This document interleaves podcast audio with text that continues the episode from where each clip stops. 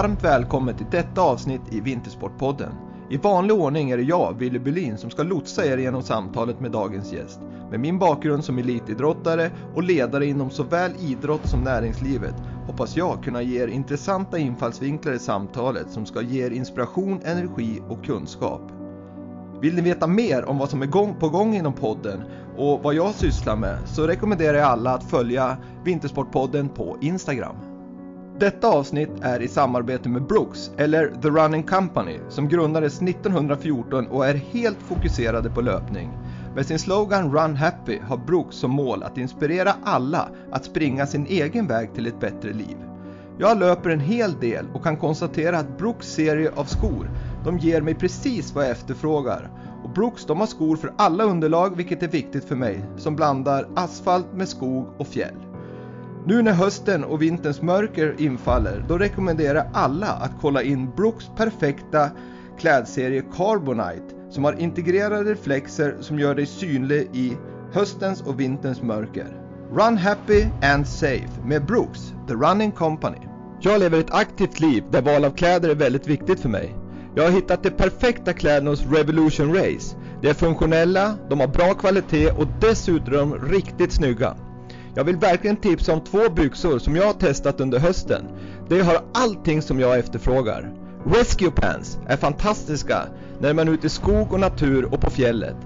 De är vindtåliga, vattentäta och dessutom andas de väldigt, väldigt bra, vilket är en förutsättning när man lever ett aktivt liv.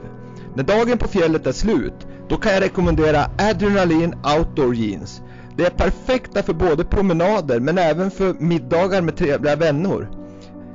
Grym passform, härligt material och riktigt schyssta jeans.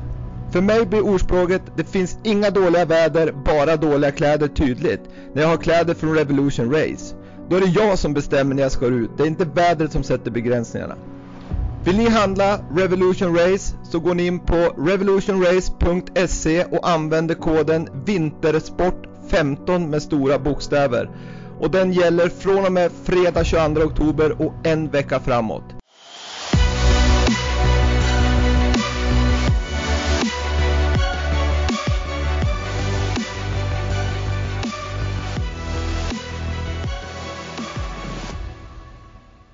Dagens gäst i Vintersportpodden, alpina stjärnan Anna Sven Larsson. Varmt välkommen Anna!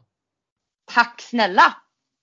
Kul att vara med! Jättekul! Ja, verkligen otroligt kul att ha dig med som jag känner sedan, sedan tiden i skidförbundet och, och jag känner en mycket liksom härlig, glad och sprallig Anna som, som det ska bli kul att prata med här i, i en timme ungefär. Mm. Får vi se om den, om den synen stämmer när du börjar berätta om dig själv och vad du har för styrkor och svagheter. Men det är min bild i alla fall. Men bakgrunden för Anna Sven Larsson den är att hon är född i Dalarna 1991, närmare bestämt Mora lasarett. Men hon växte upp i den härliga byn Rättvik eh, tillsammans med mor, far, bror Sen har hon numera en hund som heter Yra och en pojkvän som hon reser runt med en hel del inom den alpina cirkusen. Som 16-åring flyttade Anna till Järpen för att studera på skidgymnasiet men numera bor hon uppe i Åre i Jämtland. Anna, du är en mycket aktiv person som älskar att åka skidor både uppför och nerför och åt sidan. Du gjorde din första världscupstart 2010. Sedan dess har det blivit 111 starter i världscupen, sex stycken pallplatser varav en seger och den faktiskt uppe i Åre. 132 starter i Europacupen, 17 stycken pallplatser varav sju segrar. Fyra stycken VM starter ska jag säga, varav en medalj då det var silver i Åre vilket var otroligt viktigt för hemma-VM och det satt långt inne och det var ju fantastiskt att uppleva det. Två stycken OS, 2014 i Sochi, 2018 i Pyeongchang. Eh, två femteplatser där. Silver på junior-VM 2011 i slalom i Crans Montana och i Norem, alltså motsvarande Europacupen i USA, har du två stycken segrar 2015. 10 stycken medaljer på SM, varav fyra stycken guld och 42 stycken FIS-segrar. Vilken lista Anna, vad säger du om det? ja verkligen, men jag har ju ingen världscupsvinst så vitt jag vet. Tyvärr. Ja, ja fast det är i para va? Ja, du menar i teamparra? Jajamän. Ja, jajamän. Ja, men då tror det, jag vi också det... har en Jag har för mig också att vi har, eller ja, vi har en i, från Innsbruck också i parallell med Maria och Mackan och Hargin tror jag. Det stämmer, det stämmer. Ja, det var då, dåligt researchat där av mig, men det var just det jag tyckte var lite kul här med, ja. med att du bor där och har gått skidgymnasium där och, och liksom tillbringar mycket av din, din tid i Åre. Så att det, ja, för mig är Team Paran också en världscupseger, för det tycker jag är en väldigt, väldigt rolig tävlingsform nämligen. Jag håller helt med. Absolut. Det, det, är, eh, man kan ju nästan avhandla det ämnet först, men för jag tycker liksom man åker ju slalom, storslalom, super-G, störtlopp och så har man en kombinationsgren då när man blandar slalom och, och störtlopp. Eller super-G. Eh, men, men sen har vi ju den här eh, parallellslalom som har varit omdiskuterad ganska mycket. Liksom, ska den vara, ska den inte vara, ska den ha en egen kupp? Ska den köras in i städer eller inte och så vidare. Men, men min syn är ju att det är en väldigt, väldigt härlig gren där jag tror även de tv-tittare och publik på plats tycker det är väldigt, väldigt liksom, kul att se på. Det är fart och fräckt och det händer mycket hela tiden. Hur är din syn där Anna? Eh, jag tycker att det är en jätterolig gren och jag är, jag är väldigt ledsen att de har valt att gå mer åt storslalomhållet i Parran. Men eh, jag hoppas att de eh, här och, Eh, inom den närmsta tiden ska kanske lägga hälften slalom och hälften GS para eller något sånt där. Jag tycker det är tråkigt att de har gått över helt på till GS-sidan. Och GS i det här fallet är Giant Slalom på engelska som är storslalom för er som inte förstår engelska. Men jag håller med dig där Anna, för jag tycker dels så tycker jag det är kul att se slalom parallell. Men jag, mm. jag tycker också att storslalomen är, den är farlig liksom. Det går så fort och man åker nära varandra och jag tror att det kan bli ganska rejäla smällar där. Ja, men jag tycker också att det men jag tror det känns som att de hävdar att slalomparren också liksom att det blir mycket skador och sådär men ah, jag håller inte med. Jag tycker att det känns som att GS eh, är minst lika mycket skador men eh, ja, det är ju inte mitt beslut att ta men jag hoppas att, eh, att det blir fler slalomparalleller här genom åren för jag tycker att det är väldigt roligt att åka. Ja, jag håller med och Sverige är väl egentligen har ju varit väldigt duktig i, i parallellslalom sen, sen det drog igång och det har väl kanske att göra med att vi, vi var ju tidigt ute här uppe och köra parallellslalom liksom någon gång per år även från ungdomsåren. Så att jag hoppas verkligen att den grenen fortsätter och vi hade själv, vi arrangerade de här i Hammarby, Hammarbybacken världskuppen som var succé både liksom åkarmässigt och publikmässigt och tv-mässigt så att det var ju otroliga arrangemang som jag hoppas verkligen kommer fortsätta i framtiden. Ja, jag, jag håller med dig helt och hållet så hoppas att man får köra i Hammarby igen. Och det var en väldigt häftig tävling. Mm. Ja, vad bra. Då har podden börjat. Vi är överens. Det var ju kul. ja. Härligt. Hörru du, eh, nu är jag intresserad och lyssnarna är intresserade att höra. Vem är Anna Sven Larsson? Med din uppväxt och vad du höll på med för idrotter och fram tills nu egentligen? Eh, men jag växte upp i Rättvik i eh, ungefär en kilometer från slalombacken. Eh, höll på med väldigt många olika sporter som ung. Alltifrån ja, men längd och alpint till eh, friidrott, fotboll, eh, handboll, ja det mesta. Jag testade på det mesta. Eh, och, men var väl mest, höll väl i längst i fotbollen och alpint. Eh, men eh, jag visste ändå ganska snabbt att det var alpint som var, var det som låg närmast hjärtat. Så det blev det och jag eh, gick skidgymnasiet i Järpen och sen eh, flyttade jag vidare till Östersund två år för att sen hamna i Åre där jag bor nu.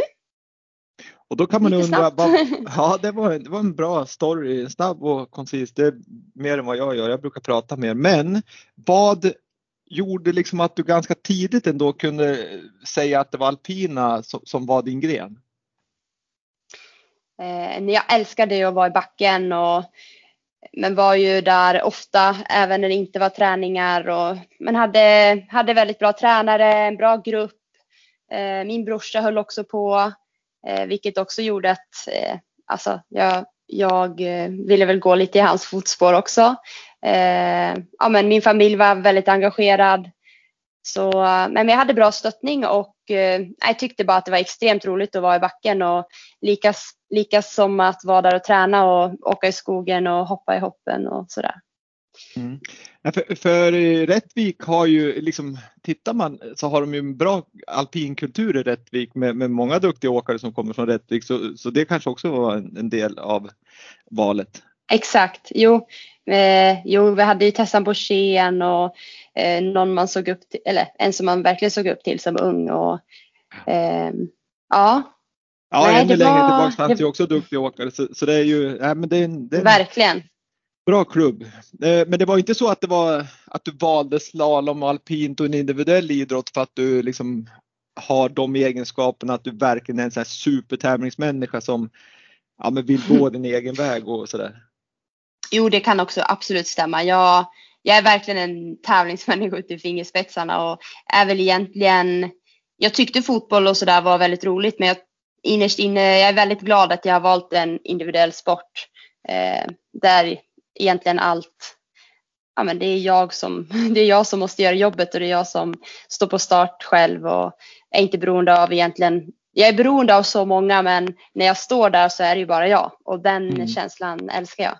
Så ja, jag är nog en eh, individualist, individualist. Men jag, ja. jag samtidigt som jag älskar att vara omringad av eh, människor så att ja. Ja, jag förstår det. För jag, jag, som jag sa inledningsvis här så är ju du för mig en väldigt, väldigt rolig och snäll och, och härlig, liksom sprallig tjej som, som, som lätt livar upp ett rum. Hur, hur, men samtidigt så har jag ju sett sidor också som, som det inte bara är klackarna i taket. Hur, hur, hur, hur, balanserar du det där? Jag tänker på liksom, går det bra så är det ju lätt att ha den, går det sämre så är det ju lätt att man hamnar i något annat. Hur, hur upplever du att Anna är som person när det går dåligt? Jag tänker mot omgivning, för det är ju som du säger, ni har ju en stor stab runt om er, både med konkurrenter men även med ledare och servicemän och så vidare. Hur, hur är det att tas med när det inte går så där superbra? Eh, men jag tror att jag, jag har blivit bättre och det så tror jag att det kanske är lite också. När jag var yngre så amen, eh, var jag nog inte lika lätt att ha att göra med men nu känns det ändå som att man ja men det är ju ändå ofta det inte går som man vill också och eh, något man måste lära sig och kunna gå vidare också. Sen är det klart, jag, jag skulle ljuga om jag inte säger att jag, är, eh, jag är Amen. jag tycker det är tråkigt när det går dåligt och man, och, alltså, det är ju, nej men det är tufft men eh, jag tycker ändå att jag har lärt mig att eh, amen, försöka släppa det och gå vidare för att eh, man vinner ingenting på att älta älta för länge. Nej, för det är svårt att ändra på det som har varit så att det är nog helt rätt Anna att släppa ja. det och, och, och, se framåt och det man kan påverka. Eh, hur, hur, eh, du har ju ändå liksom som jag sa där i, i Inledningsvis så har du ju jättefina meriter. Du har VM-silver från hemmaplan i Åre. Du har startat 111 gånger i världskuppen och jättemånga gånger i Europacupen och så vidare. V vad är det som har gjort dig så duktig? Vad, vad, vad är din unikitet? Eh, jag är väldigt envis. Eh, tränar hårt. Eh, tycker att det är väldigt roligt att träna och det tror jag, tror jag har hjälpt mig mycket. Jag, jag, jag älskar verkligen att åka skidor och eh, ja, men, träna eh, och det tror jag har hjälpt mig att ta mig dit jag är idag. Och, eh, Otto som man hade i junioråren har ju lärt en att det är viktigt med tålamod eh, och det har man ju fått, fått känna på några gånger. Eh, mm. Men eh, jag skulle nog säga att eh, det är min envishet för det har inte gått spikrakt uppåt utan det har varit svackor när man har känt att helvete varför håller jag på med det här men sen påminner man sig själv att eh, ja, det är ju faktiskt det bästa man vet. Precis, för, för, en karriär består ju sällan av bara toppar utan det blir som en klassisk eh, alpby med to både toppar och dalar. Eh, och om vi, om vi liksom är inne på träningen och dina liksom egenskaper då så, så hade vi ju en av dalarna var i alla fall där 2017 där det var tungt och du, det kändes som du verkligen var långt nere i en dal och, och, och fundera över livet. Hur gick tankarna då vad var det liksom som ändå fick dig att dels att du att, ja, vilja ta tag i det men även liksom att, att ta det dit du är nu? Eh, nej men jag kommer ihåg att det var ju, det började ju Levi redan med att jag gränslade.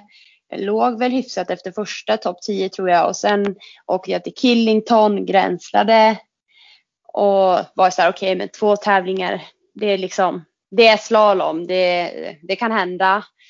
Eh, tredje, det var ju det också att jag gränslade alla tävlingar. Det var liksom, eh, men sen eh, när man hade gjort samma sak fyra, fem tävlingar så satte det sig i huvudet och jag såg mig inte själv ta mig ner och det var, nej men det var väldigt jobbigt men jag är väldigt glad att jag, eh, ja men jag bestämde mig tillsammans med tränare och de runt omkring mig att jag skulle åka Europacup också. För att det är lätt att om man bara åker världscup och har ett sånt här år att eh, jag menar då gör man ju inga punkter som är då ranking som bestämmer sig ranking. Så jag åkte mycket Europacup och där gick det gick det, gick det bra. Där kunde jag slappna av på ett annat sätt och ja, men jag gjorde 60 punkter vilket gjorde att kommande säsong startade jag fortfarande 33 och inte 63 vilket eh, jag tror hjälpte mig mycket och jag tyckte kom ihåg att jag tyckte att det var skönt att åka ut topp 30 för att jag halkade ju bara längre och längre ner, började topp 15 och sen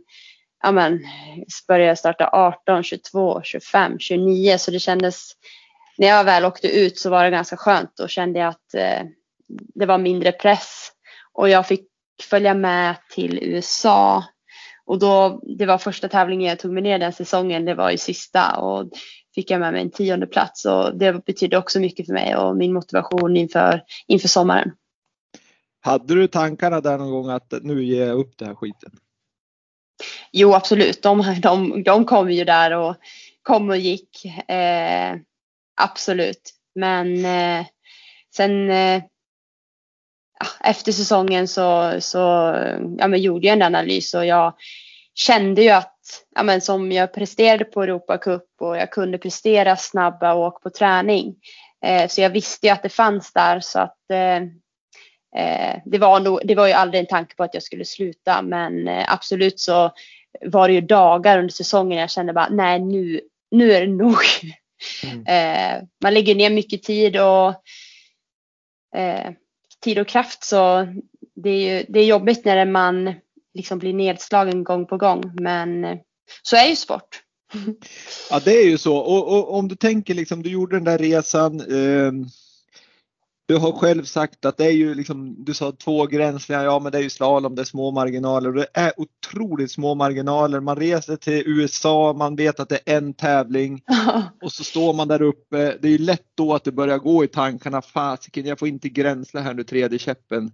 Eller jag får inte lägga mig på innerskidan på första krönet som 15 andra har gjort. Och, och och, och då, samtidigt vet du också att om du inte ger 100% gas, alltså mm. satsa fullt, ja då är det ju liksom, då kvalar du inte. Nej, exakt. Det är små marginaler, men, men, hur jobbar du med det liksom och den här situationen? Har du, någon, har du någon mental tränare som hjälper eller känner du att du hanterar det själv?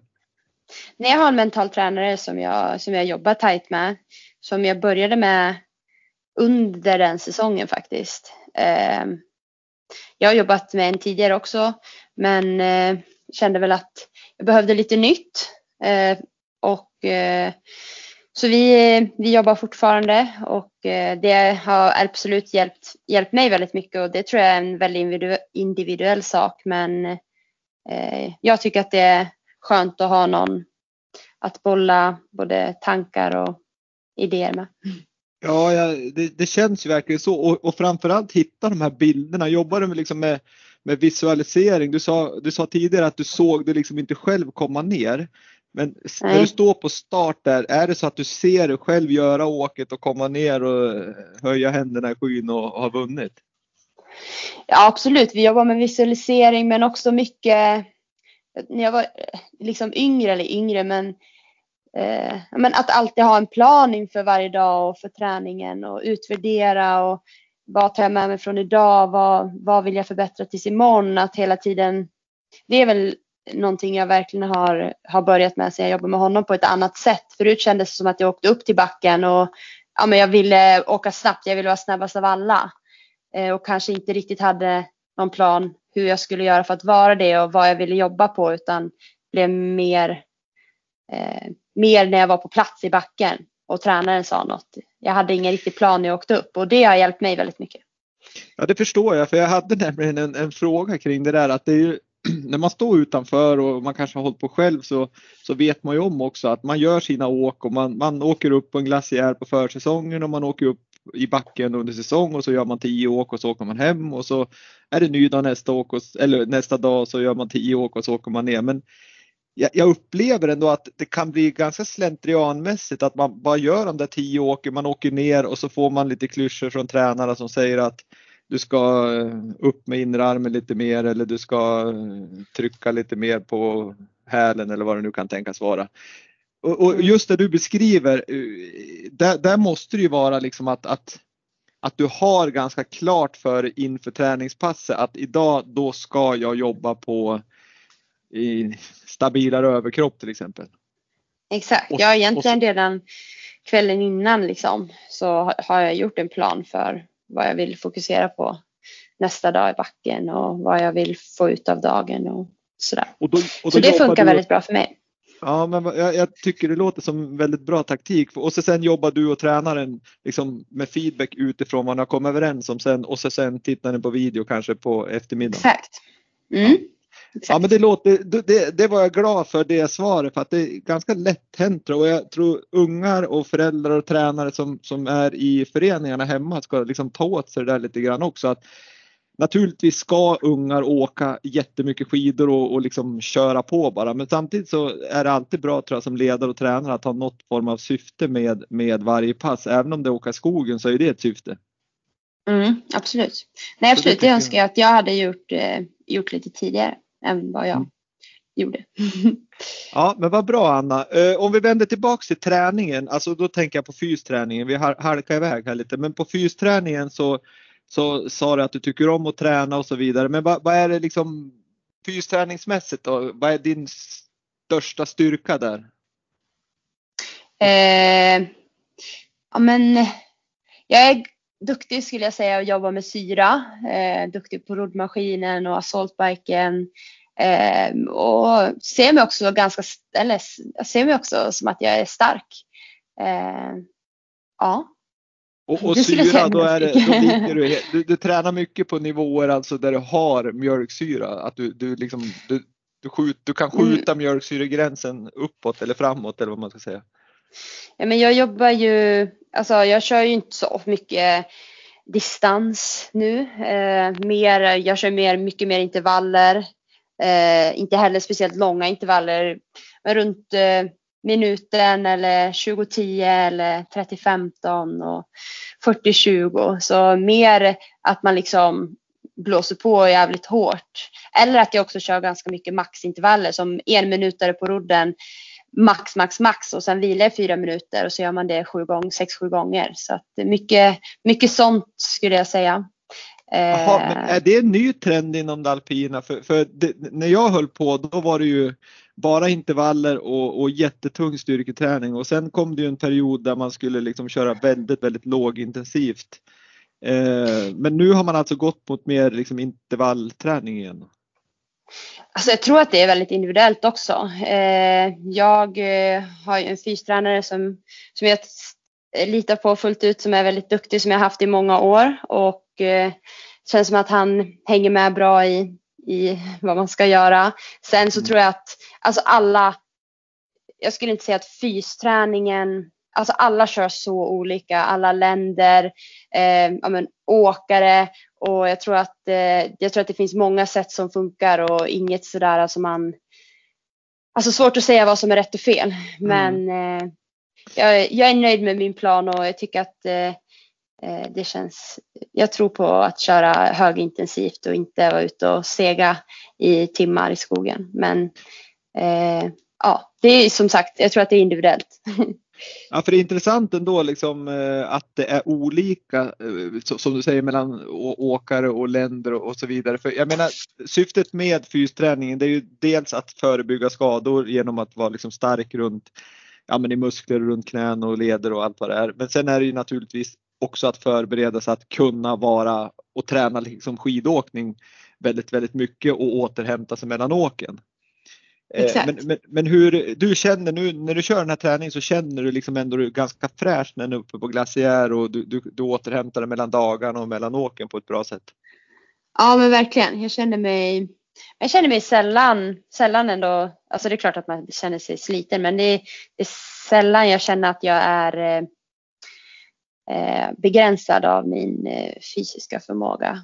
Eh, så det känns, det känns bra. Sen finns det ju såklart, jag har ju så mycket eh, förbättringsområden, så är det ju allt. Men, eh, ja, men allmänt känns eh, det väldigt bra.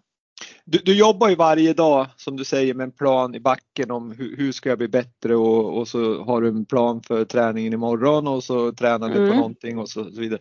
I, I fysen då, hur, hur, du säger att fystränaren är ju liksom påläst och han, och han, eller han eller hon vet vad, mm. vad, vad som ska göras förhoppningsvis, de läser ju på. Men vad är det där mm. du känner att den här kvaliteten skulle jag verkligen kunna liksom förbättra och det skulle ge mig någonting i backen av någon anledning? Nej, men ah, min, eh, alltid något som jag jobbar på är ju rörligheten. Det har väl aldrig varit något som har eh, varken som jag tycker har varit speciellt kul eller som jag varit speciellt bra på.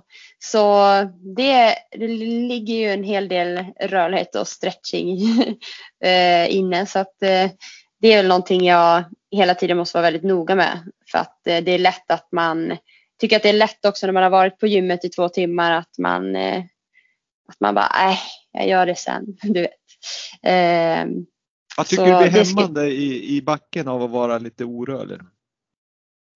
Nej, men jag tycker man känner när man, eh, när man har, eh, vad ska man säga, när man har slarvat lite med det att eh, ah, nej, jag tycker bara att kroppen inte känns lika fräsch och man kan känna sig lite tung på något sätt. Jag vet inte, det är svårt att förklara.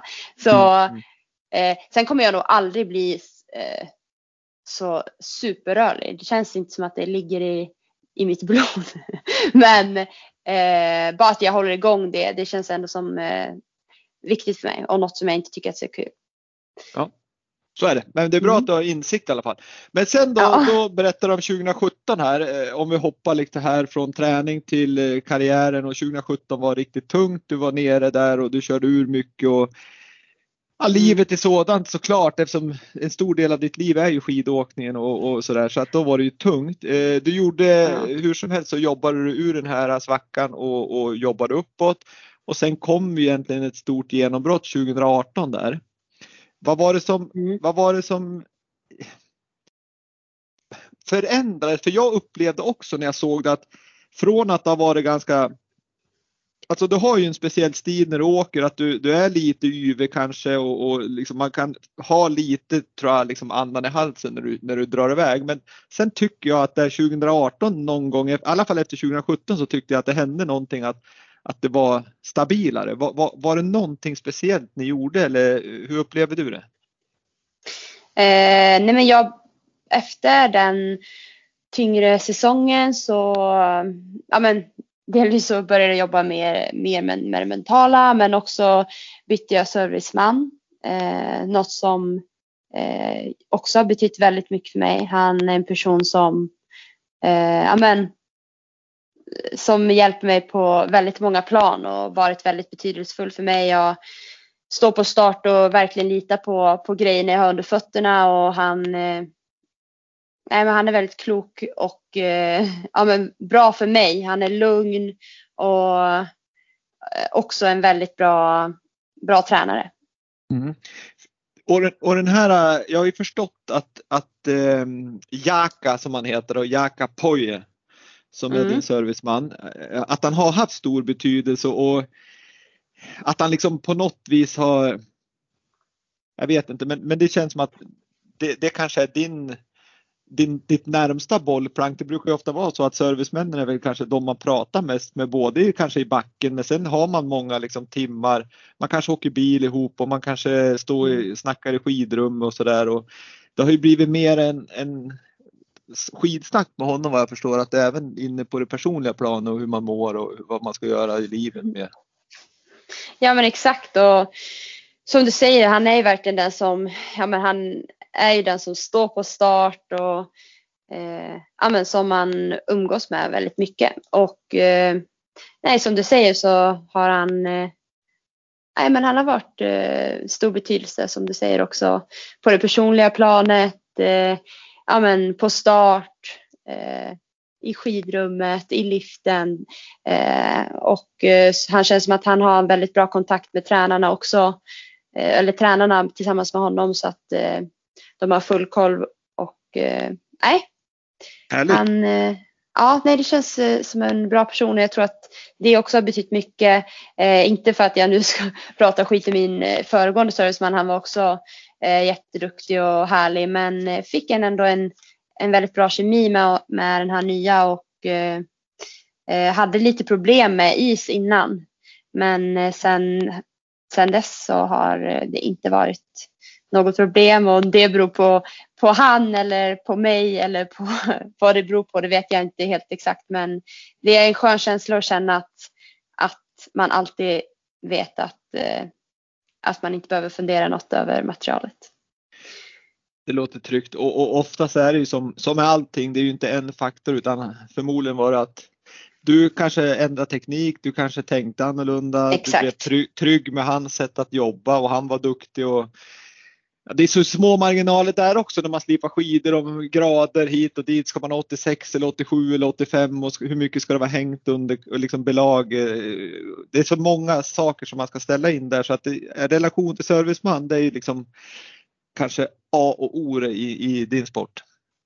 Ja, så är det. Men, så är det, det, var ju, det var ju en liten sån här, det blev ju lite så här upphåsat skulle jag säga där när du gjorde en sån fantastisk tävling, eh, ledde i Kranjskagora, du kör mot vinst, du leder med över en sekund vid sista mellantiden och så drar du ju en sky Fabians framåtvolt där i, i, i, i målbranten och, och, alla liksom satte andan i halsen. Men, men då ser man ju då, då filmar de ju på Jaka, servicemannen och han gör tummen upp. Vilket fick mm. många liksom att fundera vad var, var det där för något vad i hundan. Men, men då har han ju förklarat liksom att, att eller du och, och han har förklarat liksom att det var verkligen så här, ja men han var glad att du vågar liksom satsa. Uh, ja. Och det tyckte jag också när jag såg det att det var ju en styrka att kunna åka så otroligt liksom satsande och, och offensivt när man leder för många gånger så kan det bli att man bromsar och man blir feg. Liksom. Men hur var känslan på start? Liksom, vad snackade ni om innan? Nej men, eh, nej men det där med tummen upp. Eh, det är många som har skrivit till mig också om det där. Åh gud vilken hemsk person. Men eh, jag visste ju att det var att han var stolt över mig för att vi har jobbat mycket på att, ja, men att vi tycker båda att jag inte riktigt har vågat alltid utan att jag har hållit igen lite grann och inte liksom helt fått ut min fulla kapacitet och där eh, kände väl båda två att, eh, att jag verkligen, jag gick för och jag vågade och eh, han var liksom, han var som när han kom ner också, han var ju så nöjd även fast det var en besvikelse så var han ju så nöjd. Han bara, det är så här vi, vi ska åka och det är så här, det är här vi vill vara liksom.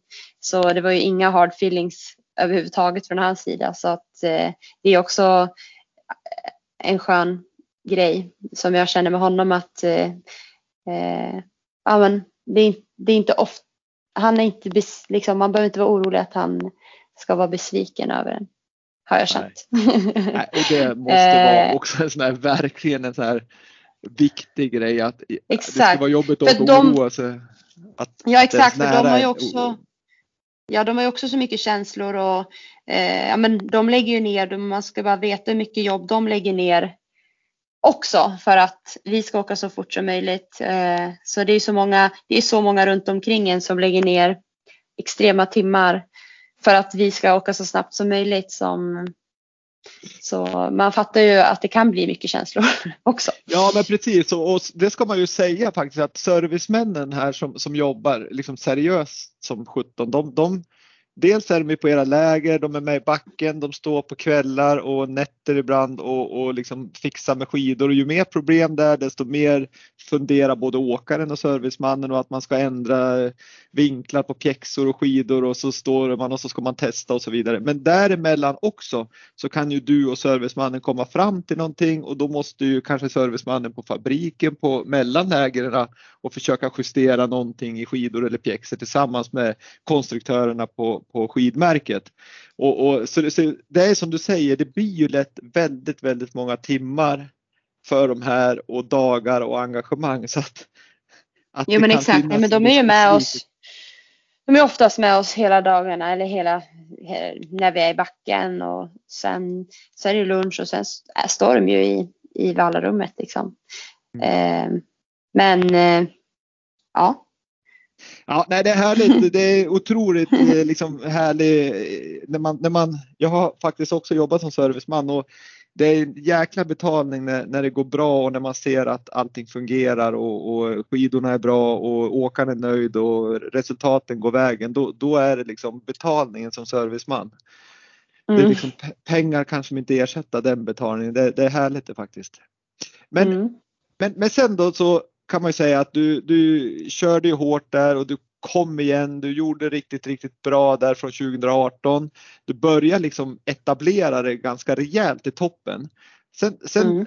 vad ska man säga, man får säga tyvärr så kan man ju säga att du har haft två konkurrenter som inte är vilka som helst och det är ju, tänker jag ju på Schifrin och, och Vellova som, som är två giganter skulle jag säga. Eh, mm man kan ju välja att se det på olika sätt misstänker jag. Det ena sättet är ju att se det som att man blir sporrad och, och, blir ännu bättre och det andra det är att man blir så satans förbannad för hade inte de varit där så hade man ju knipit några segrar redan. Hur, hur ser du på det där? Eh, nej men det är ändå, jag tycker ändå att det är, är motiverande och mitt mål är ju att slå dem så att eh, och jag har ju varit jag har inte gjort det, men jag har ju varit nära. Eh, ja, men, tre, fyra gånger. Alltså i Flasha var det väl 900 delar och i St. Moritz var det en hundradel. Så att jag har ju varit nära. Även om jag inte har gjort det så, så ja, vi, ja, ja, jag, de är ju liksom inte oövervinnliga även fast de är helt sjukt grymma och sällan gör misstag, väldigt stabila. Men eh, det är en nöt eh, många av oss vill knäcka. Så, eh, ja. Nej men att du ska kunna ta dem, det har du bevisat för du ledde ju med, vad var det, 1.20 i sista mellantiden i Kranjskogård och fullständigt mosa dem. Så att det, det behöver du inte oroa dig för. Men om de tänker, och precis som du säger, att det som kan vara lite skillnaden det är att de kan hålla liksom en ganska hög, låg nivå, om jag får säga så. Då. Ja, eh, det vill säga att de, de presterar liksom konstant över säsonger.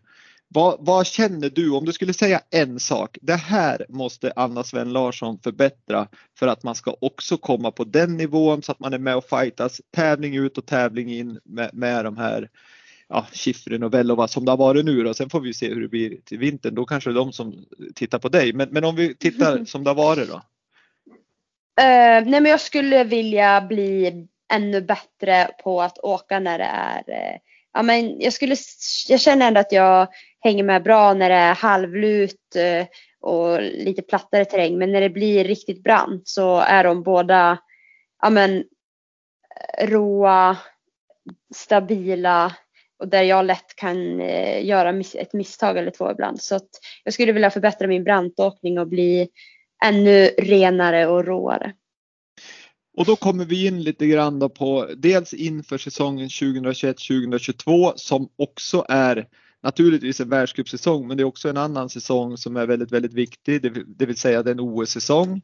Eh, hur, hur, hur går tankarna då? För i min värld så låter det där som att du är väldigt liksom medveten om vad du bör göra för att kunna fightas liksom tävling mm. ut och tävling in oavsett om ni är i Flachhav eller om ni är i en plattbacke eller om ni är i Kranjskogora som också är väldigt brant på slutet. Men hur, har, har du tillsammans med tränarna och skidförbundet en plan för hur ni ska göra det här och ni lägger läger på platser som är brant och, och lite svårare?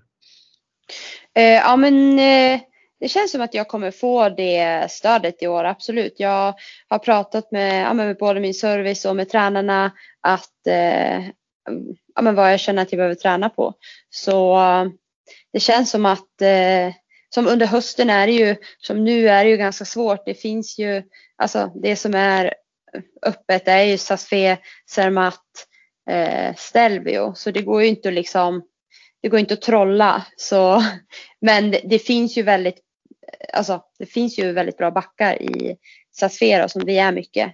Eh, så jag tror absolut att jag kommer få till, få till eh, den träningen jag känner att jag behöver. För sen kan man det är ju, det är ju nu det liksom och då kanske det är mycket grunder som ska läggas och så vidare. Men jag tänker mm. sen när december kommer och man kan börja kanske köra något pass liksom i Sverige och det finns ju jättefina branter här där mellan tävlingarna och, och även i Europa finns det ju härliga branter. Men, men det är någonting ni liksom lyfter med För jag tänker det kan ju vara så att dina lagkamrater har det motsatta problemet att de är grym i brant men bedrövliga att åka flackåkning och då blir det ju lite mm. svårt. Men delar ni upp det ja. då? Ja, eh, det har, har de sagt att det kommer vi kunna göra. Men sen känns det också som att generellt, nu ska jag inte prata för hela mitt lag, men det känns som att generellt så eh, är det fler än jag som känner att eh, den kvaliteten behöver tränas. Så eh, jag tror inte jag är ensam, eller jag vet att jag inte är ensam om att vilja träna det. Men jag känner att jag har bra support där och att jag kommer få till den, den träningen. Så också det, för det jag har sett av OS-backen ser den också ut att, eh, att luta på bra. Så att då vill man ju, man vill ju stå på start och känna sig riktigt bra förberedd. Och troligtvis kommer det ju vara ganska hårt där också eftersom de kommer ju säkert ha sprutsnö och balkar och som det heter, alltså man vattnar backen för att den ska bli hård och, och liksom rättvis för alla startande. Så att, så att eh, det är nog en bra idé där Anna att köra på lite lutning och lite hårt. Exakt. Men jag mm. tänker, du är ju ett av, av Sveriges ja, största, men du är ett stort OS-hopp här för, för svenska folket och för Svenska Olympiska Kommittén som, som är de som egentligen eh, tar ut laget till OS. Då. Och, och med de liksom, vad ska jag säga, kraven som SOK har, om jag får använda ordet krav, då, men de tar i alla fall ut dig, de tror på dig och så vidare. De lägger ner resurser under den här fyraårsperioden. Är det så att då kan du liksom vad ska jag säga, söka pengar av dem också och säga att vet en sak, jag har jättesvårt att åka när det är brant och, och jag skulle vilja ha ett speciellt läger för det här. Kan, kan ni hjälpa till och bidra med pengar? Funkar det så? Exakt, exakt. Och SOK stöttade ju mig nu för jag ville eh, åka. De andra satte igång 16 augusti men jag ville starta upp tidigare i Zermatt så jag, eh, då sökte jag pengar så att jag åkte sex dagar där. Eh, min serviceman var med och så hängde vi på killarna där lite grann. Så att eh, ja, de är ju ett, väldigt bra stöd som man kan söka sig till om man ja, behöver. Gud vad bra. Det, det måste ju kännas bra. väldigt, väldigt bra att, att kunna få liksom speciella behov som, som ändå kan uppstå då, som i ditt fall när du har varit skadad som vi kommer in på här lite grann. Men det, det låter ju otroligt bra. Det. Men om vi är på, på OS här nu är det, gör du någonting annorlunda för en OS-säsong? Om du bortser från det vi har pratat om nu då med brantåkning som, som du ändå skulle ha förbättrat även om det inte var en OS-säsong. Men är det någonting speciellt du gör? Jag tänker på tittade på klimatet, hur det kommer vara där i Kina i, i 2022. Hur kommer man bo? Börjar man tänka att jag ska sova i en sån här säng för det är det på OS. Eh, jag ska lägga med de här tiderna på grund av det här och det här. Jag vill åka mer Europacup kanske för att få ja, mer tävlings, liksom, nu när du har varit skadad, att, att få lite mer mm. matchning. Mm. Är det någonting sånt du gör speciellt för att det är OS? Nej, inte just nu. Eh, och vi har inte varit där nu eh, i Peking utan vi har ju eh, vi har inte haft möjligheten att åka över och eh, Alltså man vet ju inte, vi har ju sett bilder och sådär och man vet ju att det ligger på relativt hög höjd och att det är väldigt torrt klimat och sådär. Men eh, jag är inte så här, jag är inte så, så kräsen när det kommer till eh, sängar eller, eller eh, mat eller sådär. Så att eh, det ska nog gå bra. Jag, eh, jag, egentligen det som jag sa tidigare utan det är mer att jag vill, vill träna på liknande terräng och försöka få till liknande underlag. Då känner jag mig, då känner jag mig nöjd. Mm. Ja, kul. Eller det är en styrka det tycker jag att man kan koppla bort sådana saker som sängar och kanske någon kost eller vad det nu är och fokusera på det, det som är i backen. Det, det är ju en jäkla styrka för det är många som fastnar i att jag så, hade en för ja. hård säng. Jag kan inte, nu kan det gå åt pipan här. Det, det tror jag är svårt för det är mycket man inte kan påverka. Ja, och sen är det ju som, det är lite annorlunda med alpint också. Man, det är inte så att jag väljer att stå över några tävlingar utan Eh, vi har en viktig startposition och eh, eh alla tävlingar innan OS är ju extremt viktiga och eh, nu känns, nu har jag liksom, även fast OS ligger i bakhuvudet så är mitt fulla fokus, fokus eh, för Levi, svårslalomare Levi. Det är det jag, det jag ser fram emot och sådär nu. För det är ju en stor skillnad om du jämför med eh, kanske, ja, framförallt längd skulle jag säga. Jag tror skidskyttarna åker också ganska mycket tävlingar allihopa men längd de har ju historiskt sett, de kan ju hoppa över liksom ja, men, tio världscuptävlingar innan OS då för att, för att de ska upp på något höghöjdsläger eller vad det nu kan tänkas vara. Men det är ju inte att tala om för en alpinist på grund av det du säger att då, då riskerar man ju rankingen och, och, och sådär så att, så att det är stor skillnad. Ja, nej så är det ju. Det, det finns ju inte finns ju inte på kartan i alla fall, inte för mig. Det kanske är annorlunda om man leder slalomcupen med 200 poäng. Jag vet inte men eh, nej, jag, är, jag kommer köra alla tävlingar och är riktigt laddad. Ja, jag tror att det är rätt väg att gå också så man liksom håller för tävling är ju ändå till slut bästa träningen. Att man, det är då jo, i den miljön man ska utvecklas. Men du, ja, vi, vi, har liksom hoppat, eller jag, jag ska inte skylla på dig här, men jag hoppar lite grann så vi, vi kom in på OS vilket jag tycker är en, en härlig härligt ämne att diskutera och, och, verkligen få höra dina tankar och här tycker jag att dela med dig väldigt, väldigt bra. Men vi ska komma ihåg här att du bröt ju foten här för ja, förra säsongen när det gick mm. väldigt, väldigt bra.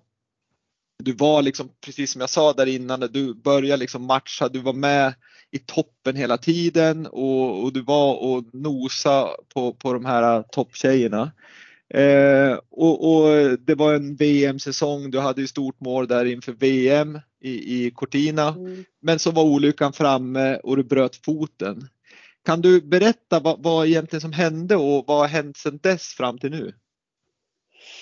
Ja, men det var ju, det var ju en tuff höst liksom med, eller höst men, eh, ja, men eh, det här kända corona eh, fallet med Levi när vi missade missade de två slalomen där, det var en enorm besvikelse. Jag var ju eh, ja, men, riktigt på botten. Eh, åkte hem, testades, testades var, nästan var, men varannan dag. Jag testade väl en sex negativa tester och sen, sen eh, dagen innan jag skulle åka ner igen och ladda in försämring. då testades ju jag positivt också. Eh, utan några som helst symptom. Så då satt jag ju inne här i 8-9 dagar. Eh, kände mig frisk som en nötkärna. eh, sen åkte jag ju ner efter de här, eftersom jag hade, hade suttit inne här och sen tredje dagen, första åket så gränslar jag och bryter då foten. Och det sen, måste ha varit en ganska eh, konstig gränsning där att du vred ordentligt då? Ja, jag liksom, exakt, jag gränslade en vertikal in mot en brant så att det var, vart ju liksom att jag ställde den.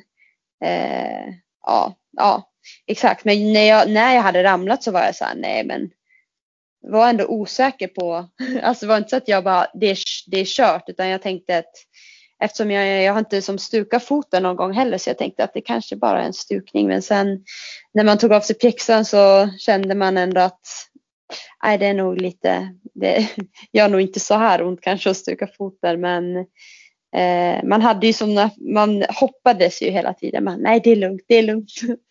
men eh, sen eh, så fick jag ju då beskedet att det var eh, ja, men ett, ett fotbrott och att det hade som ramlat ner en bit som de fick plocka upp och skruva fast och sätta dit en platta. Eh, men sen hade jag ju förhoppningar. Jag var ju så här, nej men VM, det borde gå. VM, jag satsar på VM. Det här var, hände ju typ i 20 december och VM var väl åtta veckor, nio veckor bort någonting. Så jag tänkte, för de sa först 68 veckor. Men det var lite väl optimistiskt för jag hade ju en sån här äh, stövel på mig i sex veckor.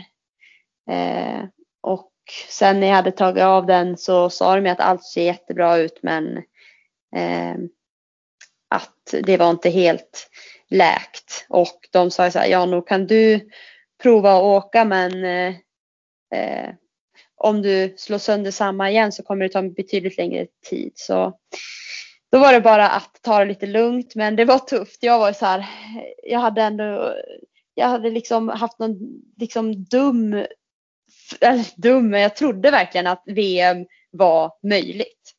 Men eh, det var nog också bra för mig i rehaben för det gjorde mig ändå hela tiden motiverad och så här, okej okay, jag ska på VM. Eh, men sen var det ju ett lite tungt besked när det blev, inte blev så. Men, jag tänkte säga det, hur besviken ja. blev du då liksom? Då fick du en ny svacka. Ja, då fick jag en liten svacka men sen, eh, eh sen eh, när jag väl testade att åka lite så fritt efter typ åtta veckor, det var ju då i, ja men, jag tror i slutet på februari, början på mars, då, då satte jag ju på mig pjäxan och åkte ut. Och det var ju ingen skön upplevelse. Då kände jag okej, okay, nej. Eh, för då var fortfarande foten ganska svullen och man vill, ni vet ju hur tajta racepjäxorna är. Så att det var ju som sockerdricka första åket. Jag bara nej, nej, nej, nej.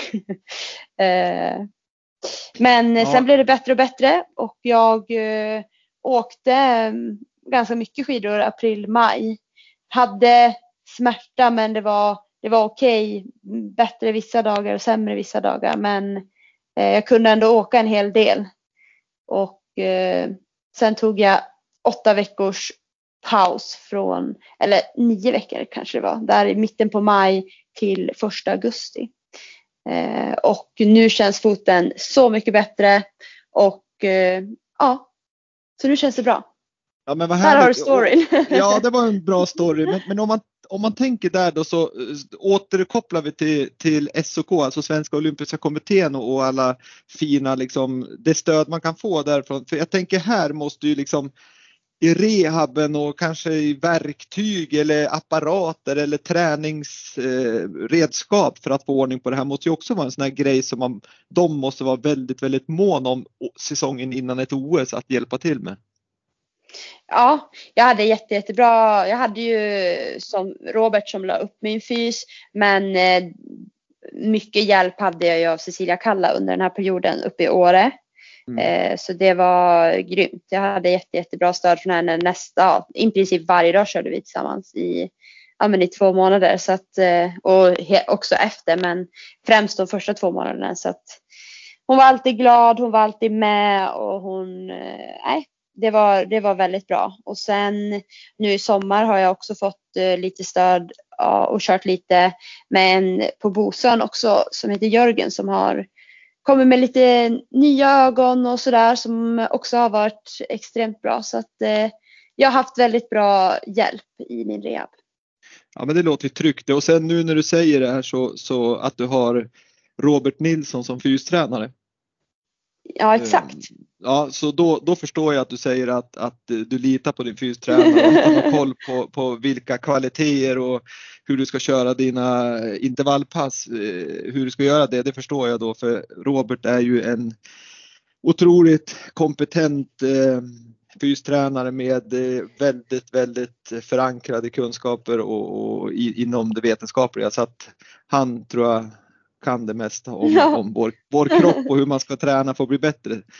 Absolut. Absolut, så det förstår jag. Men du, någon gång då här under rehaben, under våren, under sommaren, har du någon gång känt då att fasiken undrar om kan OS vara i fara eller har du hela tiden känt att OS är helt lugnt?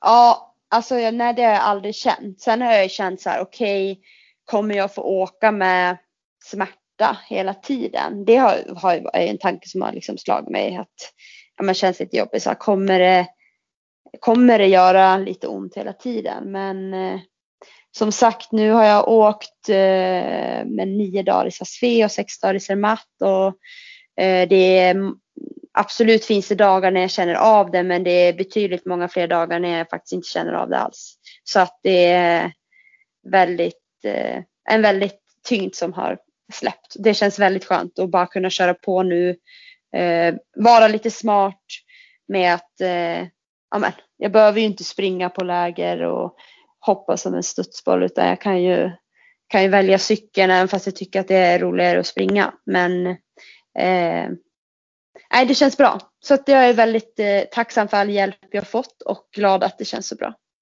Bra Anna, då kommer min egentligen eh, fråga, den här OS-frågan som, som förmodligen jag inte är den första och absolut inte den sista som kommer ställa. Vad har du för målsättning på OS om du skulle liksom sticka ut hakan lite?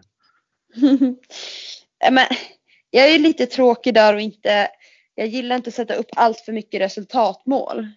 Eh, kan göra mig stressad utan mer vad jag liksom, hur jag vill utföra mina åk. Men det är klart att jag skulle, alltså, det är klart att jag åker till OS och vill ta medalj. Det, det kan jag säga. Att det är, är ju såklart ett stort mål jag har. Men eh, sen försöker jag inte fokusera så mycket på det utan mer vad jag ska göra för att, eh, för att kunna nå dit och för att åka så snabbt och bra bara jag kan. För att eh, jag kommer aldrig kunna påverka vad någon annan gör så att eh, ska bara försöka få mig så snabb som jag bara kan tills dess så får vi se hur det går.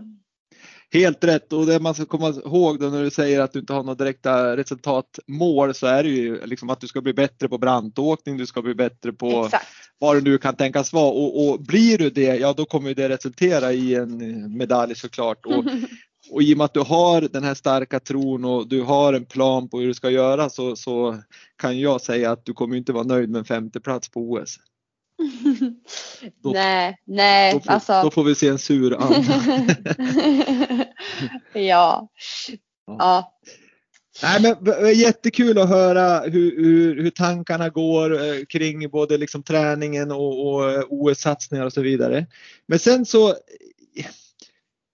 du kommer från en otroligt vacker by i, i Dalarna som heter Rättvik och Dalarna som sådant är ju väldigt, väldigt fint.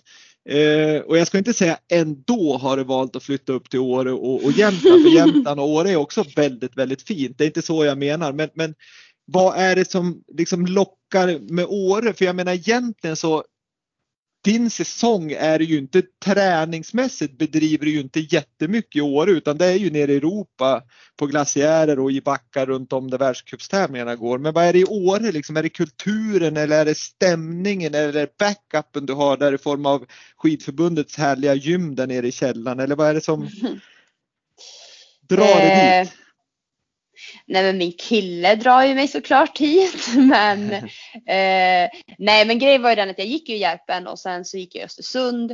Och eh, jag, men jag älskar ju friluftslivet. Jag gillar att gå på tur, jag gillar att åka längd, jag gillar att vara ute på fjället. Och jag känner väl att alla mina intressen som jag har finns ju verkligen här uppe på ett annat sätt än, än vad det gör hemma. Sen älskar jag att komma hem till Rättvik under somrarna och amen, springa och eh, plocka svamp på höstarna. Och alltså, jag, jag tycker att det är härligt att komma hem men känner väl att också när jag bodde här uppe så länge att eh, ja, men man får ju nya kompisar också. Och, mm, nu känner jag väl att eh, min, både min umgängeskrets och eh, mina intressen och, och Mattias och Eh, det är här uppe som det finns. Och som du säger, absolut är det inte mycket skidåkning på hemmaplan under säsongen men de gånger jag faktiskt är hemma i 10-12 dagar tycker jag att det är väldigt skönt att få in två, tre pass slalom så man eh, jag tycker det är viktigt och skönt att eh, ha närheten och tillgången till att eh, kunna träna om jag vill. Det har jag ju också hemma i Rättvik men inte alls kanske på samma kanske... sätt som jag behöver nu. Eh, jämfört med vad jag som var bra när jag var yngre. Så Eh, ja. Om man känner till Rättvik så kan man ju förstå att det är bra att åka där det inte är så brant för den är ju lite plattare.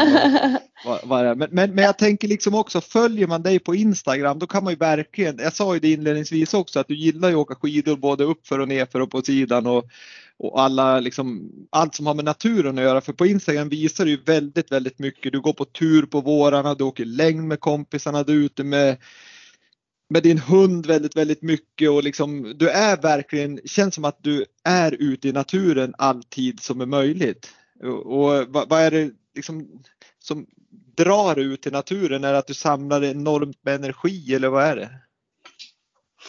Ja, men sen har jag alltid gillat att vara ute också. Eh, oh, sen gillar jag, jag, jag är väl en ganska aktiv person och tycker om när det händer saker och gillar att umgås med folk eh, ja, men genom att röra på sig också. Och så är maten väldigt god ute. Och, ja, jag vet inte, jag bara eh, ja, jag gillar att vara, vara ute i, i skog och natur och på fjället. Ja men det ja. är ju fantastiskt att se och jag kan ju rekommendera alla som vill ha inspiration om, om eh, natur och följare på Instagram. Eh, så där, där ger du härliga bilder, verkligen. Eh, men om vi tittar framåt då, liksom någon, någon dag så är ju skidkarriären, om man säger tävlingskarriären i alla fall, slut. Vad, vad tänker Anna Sven Larsson om framtiden? Ja men jag vet inte. Alltså jag är ju, jag tror jag är ganska mycket också i nuet och gillar liksom att ja, men nu gör jag det här till 100 procent och eh, jag vet faktiskt inte exakt vad jag vill göra sen men jag tänker att det kommer lösa sig. Det kommer ing, liksom, liksom jag har ingen så här, jag har ingen ångest att, över framtiden. Nej, du har inte det. Och du tänker inte det är tränare jag ska bli eller det, jag ska bli läkare eller jag ska bli flytta ner till Lund och, och plugga och bli ingenjör ja, eller något. Det är inte så nej, som... Nej, nej jag har inga sådana där drömmar men jag älskar ju, jag gillar ju verkligen träning och sådär men Nej, det är jag, jag har inget riktigt bra svar på det tyvärr. Jag vet liksom inte riktigt vad jag, vad jag vill göra men eh... Men du har inget, ja. du, du, man kan säga att du lever här och nu, du tävlar, ja, du ska ta Alltså jag är ju inte jättepepp Ja exakt, jag är inte jättepeppad på att sitta på ett kontor från 7 till 5 varje dag. Nej. Det tror jag inte kommer vara min grej. Nej, inte. men, Som jag känner dig men, Anna så tror jag att du ska hoppa över den övningen. Ja, men eh, nej, ja, vi, får, vi får se vad framtiden visar. Det är ju inte allt för långt borta men eh, som sagt så just nu känner jag mig ja, men väldigt motiverad och, och peppad på på skidåkning så att jag, jag, jag är i nuet och så får vi se vad, vad som händer sen. Jag lovar det, med din inställning så kommer du ha en ljus framtid. Det, något annat skulle jag ha svårt att tänka mig. Positiv och, och, och se möjligheterna, då kommer det ordna sig där, vilket du gör. Hörru du, nu är det som så att nu har vi mm. snackat en timme ungefär och jag har två lyssnarfrågor och så har jag en generell fråga som jag ställer till alla som är med i podden. Och de här frågorna ja. är ganska liksom, snabba egentligen. Och vi, en av lyssnarfrågorna har vi pratat en hel del om men det, den är ju liksom, du kan ju bara bekräfta det men, men egentligen så, så frågan är ju vad, vad var det som hände när du gick ifrån att vara liksom, eh, ligga runt placering 30 till att bli en stabil topp tre åkare som du var där precis innan skadan eh, skedde. Va, va, mm. liksom om du skulle nämna tre saker där du kände att det här gick jag från och, jag, jag, och kom hit liksom. Eh, men mycket eh, ja, men den mentala biten. Eh, så tror jag att min serviceman har betytt mycket och eh, men framförallt också att jag jag har kunnat se mig själv på ett annat sätt eh, lyckas som jag hade svårare att se förut. Att eh, jag kunde se mig själv vara med, liksom, vara med i den allra högsta toppen. Eh, och, och också liksom känna det, liksom genuint att jag kände att jag kan, jag kan åka lika snabbt som Mikaela och Petra. Eh, och det var en skön känsla. Ja, det förstår jag. För då var det ju, Förut har jag liksom inte, har jag inte känt det riktigt. Men, och sen tror jag också när man väl, ja, nej, det är svårt men eh, Mm. Nej, men jag förstår vad du, vad du menar för att det kan ju nästan bli att man får lura sig själv annars att ja, men jag, jag kan slå de här fast man innerst inne så nej jag tror fan inte på det. Exakt. Så, så, att den är ju jätteviktig och det måste vara en skön känsla verkligen att komma dit att ja men jag, jag, jag slår de här liksom och, och, och, och känna verkligen att det känns bra att säga det till sig själv. Det måste ju vara en fantastisk ja. känsla. Ja men vad bra, då fick mm. vi det svaret. Och sen har vi en annan, en, en, annan fråga som är väldigt, väldigt enkel som en gammal tränare faktiskt har ställt. Mm. Eh, Vem då? Och, ja, den, den han, han, han heter Thomas i alla fall. Men, men eh, hur som så, så är frågan så här och du kan svara ja eller nej egentligen. Men tar du Mattias i bänkpress? Oj, oj, oj. Nå, alltså Nej, jag gör inte det tror jag faktiskt, tyvärr. Men det är inte så långt borta och nu när han har haft sin skadade axel så är man ju ännu lite närmare. Men svaret är nej. Okay. Men däremot ja. Felix Monsen tar jag lätt. ja, det var bra. Det var bra. Det var breaking news. Ja, det var breaking news. Ja. Men du, då har vi en sista fråga och den är också ganska lätt att besvara för dig skulle jag tro. Men den lyder så här och den ställer jag till allihopa i Vintersportpodden som är med och den lyder så här. Säg en mm. framgångsfaktor för att lyckas med idrott. Oj, en alltså. Mm. Eh, ja, men jag tar nog Ottos visa ord och säger tålamod, tror jag. Kanon. Det låter väldigt klokt det Anna. ehm, ja. Tålamod har du det och, och, och, och, nöter på trots dalar och toppar så, så kommer man nog lyckas på, på lång sikt med rätt inställning. Det låter bra Exakt. det Anna och jag ja. är överlycklig att vi har suttit här och snackat i lite drygt en timme och fått höra din, mm. din resa från Rättvik till eh, absoluta världstoppen med lite skador och lite dalar på vägen. Men nu kommer vi in i en OS-säsong och Vintersportpodden önskar dig all lycka i hela säsongen men framförallt då kanske OS där vi ser fram emot att följa dig och övriga landslagets resa. Tack så jättemycket. Tack för att jag fick vara med. Ja, otroligt härligt. Stort, stort tack och sköt om det. Detsamma. Ha det fint!